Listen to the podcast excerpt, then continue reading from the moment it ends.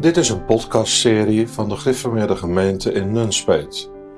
Jongeren en natuurlijk ook ouderen kunnen vragen stellen over de door mij gehouden preken in onze gemeente. Deze vragen worden dan in deze podcastserie door mij beantwoord.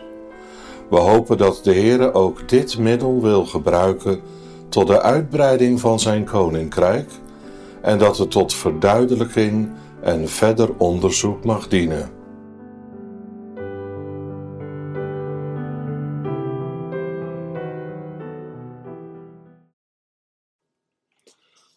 Beste vrienden, de volgende vraag die ik gekregen heb, die gaat over de beleidenisdienst die met Pinksteren gehouden is.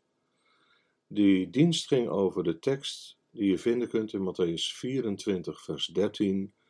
Maar wie volharden zal tot het einde, die zal zalig worden. En de vraag die gesteld is, is deze.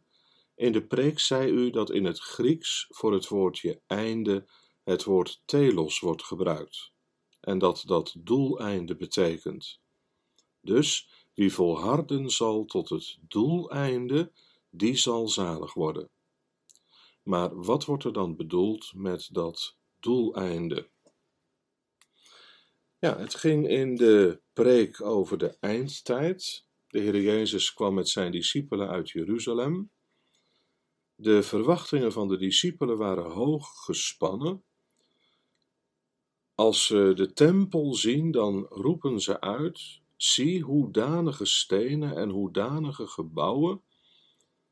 Maar de Heer Jezus antwoordt en zegt: Voorwaar zeg ik u, er zal niet één steen op de andere steen gelaten worden, die niet zal afgebroken worden. En van de verwoesting van Jeruzalem trekt hij ook een lijn naar het einde van de wereld en de eindtijd die daaraan vooraf gaat. En die eindtijd, dat zal geen makkelijke tijd zijn, er zal onrust zijn rondom de kerk en de wereld. Het zal zelfs zo zijn dat de wereld zich zal keren tegen de kerk. En uiteindelijk weet de wereld de kerk ook binnen te dringen. En er zullen er zijn die zichzelf tot de Christus uitroepen. Kortom, een hele zware tijd vol met verleidingen.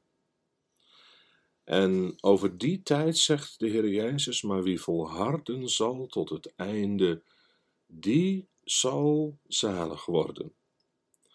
Het oorspronkelijke woordje voor volharden, dat kan ook vertaald worden met leidzaamheid. En dat heeft heel vaak betrekking op de volharding in het lijden, het staan blijven in het lijden. En dat is eigenlijk het doeleinde waar je naar vraagt. De Heer Jezus gebruikt het woordje telos, die volharden zal tot het einde, tot het doeleinde, tot het doel is bereikt. En het uiteindelijke doel is de overwinning van de verzoeking. Het uiteindelijke doel is dat het werk van de Heer Jezus Christus in zijn kinderen alleen maar zal overblijven. Want waarom laat de Heer Jezus zijn kinderen al deze moeite meemaken? Dat is immers om hen te reinigen. Deze tijd is een beproevingstijd. Maar wie volharden zal tot het doel bereikt is, die zal zalig worden. Vaak gebruiken wij het woordje einde in de betekenis van eindpunt. Niet meer en niet minder. Zo wordt er ook wel eens gesproken over het einde van deze wereld. Plotseling komt het einde van deze wereld en dan stopt het. Maar de Bijbel gebruikt daar het woordje telos. De wereld stopt niet totdat God zijn doel bereikt heeft. Het gaat met deze wereld naar een zeker einde. En zo is het ook in het leven van ons allen persoonlijk. Alleen als wij het werk van de Heer Jezus Christus deelachtig zijn, dan zullen we staande kunnen blijven. In eigen kracht zal dat nooit kunnen. Het doel van deze tijd is ook dat openbaar komt dat er veel is dat geen werk van God is. En dat houdt geen stand. Beste vrienden, daar mogen we best wel bevreesd voor zijn.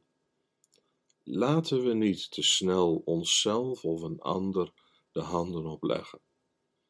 Laten we beseffen dat het echte genadewerk nodig is om staande te kunnen blijven.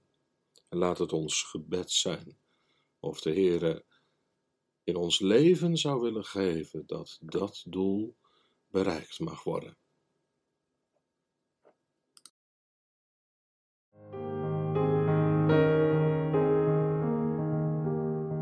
Heb jij nu ook een vraag over de preek? Kijk dan op gergemnunspeet.nl slash podcast. Je kunt daar een vraag indienen en alle eerder beantwoorde vragen terugvinden.